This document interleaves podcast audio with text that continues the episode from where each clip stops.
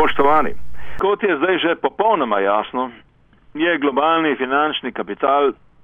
preko svoje evropske socialno-neoliberalne podružnice Evropske unije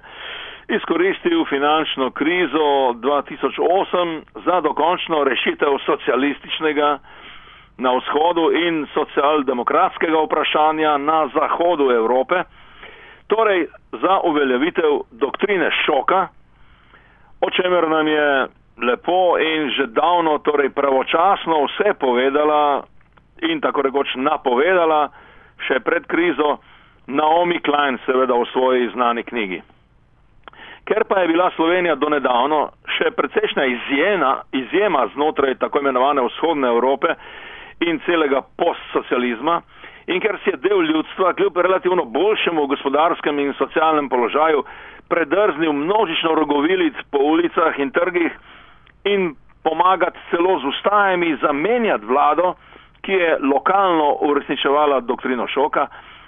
je morala sedaj nastopiti sama narava in ustvariti še naravno katastrofo, da bo ljudstvo vendarle končno in dokončno razumelo, da je vrag odnesel šalo. In tako je nekdo, najbrž iz slovenskega kontingenta Evropske ljudske stranke v Bruslju, prišepnil tako imenovanemu predsedniku Evropske unije, gospodu Van Rompompomu, ali kako se mu že reče, da imamo Slovenci lep pregovor, ki pravi, da prijatelja spoznaš v nesreči. In je tako Van Rompompom prišel na kraj naše žledne nacionalne katastrofe, lepo prosim, 40% naših lepih gozdov uničenih. In je svoje prijateljstvo pokazal tako, da je to hudo nacionalno nesrečo in šok in travmo izrabil za nove pozive k reformam, seveda posebej k reformi pokojninskega sistema in trga delovne sile. To pa, kot že dobro vemo, ne pomeni čisto nič drugega kot nov pritisk na znižanje plač in pokojnin in še manjšo socialno zaščito. In seveda je gospod Rom Pompom pri tem prite, eh, prijateljevanju imel eh, polno razumevanje in pomoč ne samo naših medijev, ampak tudi našega predsedničkega manekena. Kako ne rečem, če bo potem njegovem, namreč našega predsednika, poziranju s poplavljenimi in zaledenelimi ljudmi točno pred TV kamerami, še kdo nasedel na njegovo socialno demagogijo in seveda tudi na evropsko pomoč in solidarnost, potem mu pač Bog pomagaj. In če bo še naprej nasedala kar večina, kot vedno znova žal kažejo javnomnenjske ankete o popularnosti politikov, potem nam vsem skupaj Bog pomagaj, kajti sami smo si očitno nezmožni in nevoljni pomagati. Pa tu seveda ne mislim na pomoč na sosedski in gasilski ravni, tu je vse v najlepšem redu in že kar prečudovito in že skoro slavno lepo in humano, kot nam dajo vsak dan vedeti mediji. Ampak na ravni nacije in državljanske zavesti in odgovornosti do prihodnih generacij, do suverenosti eh, države in nacije. Kaj ti ledeno ujmo je za kazanje sočutja pred kamerami izkoristila tudi izvršna šefica države, predsednica vlade, ki jo bo treba začeti nagovarjati kar z predsednico vlade v senci, namreč v senci finančnega ministra, v senci Evropske desnice in NATO. Tudi ona se je na, na hitro pred kamerami sprehodila po ledeni katastrofi. To je prišlo očitno zelo prav, ker je pač v službi ne gre in ne gre. Že tako enostavna ne, zadeva, kot je eh, nahajanje novih, novih ministrov za finance in zdravje,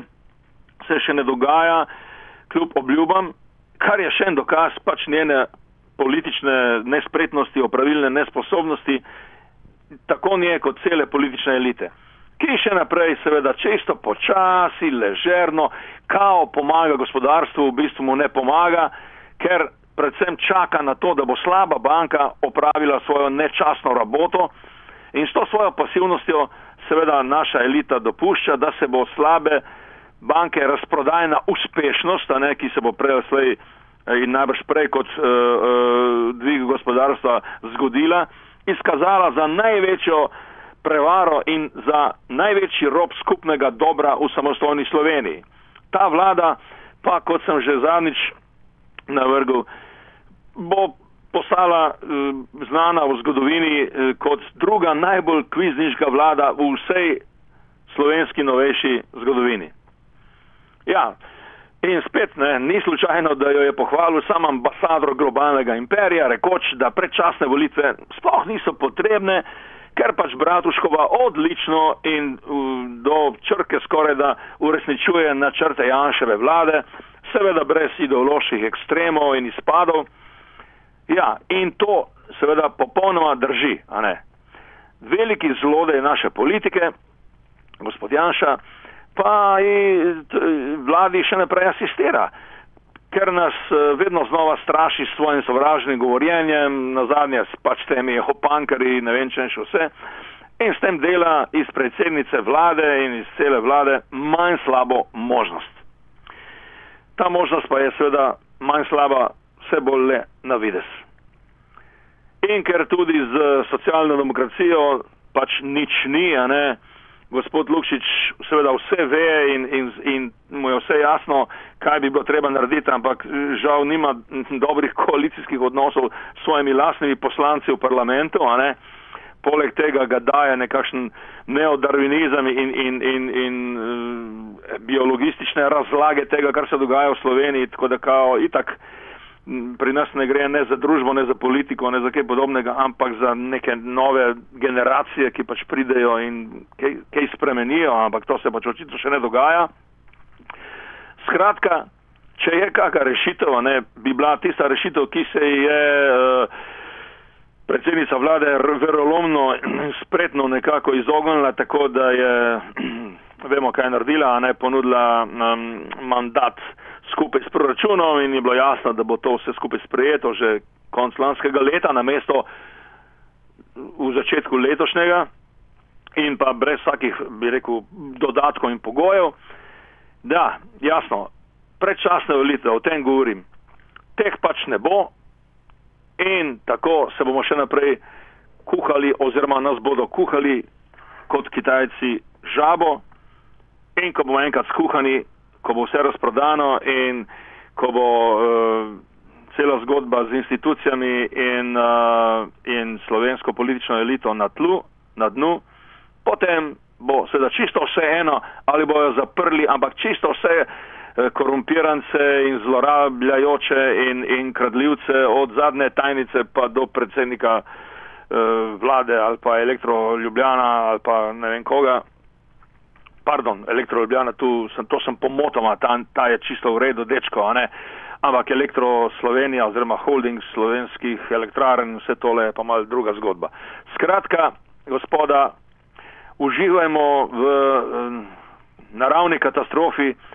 ker bo potem kasnejša gospodarska in družbena katastrofa zares strašna. Lahko noč in srečno.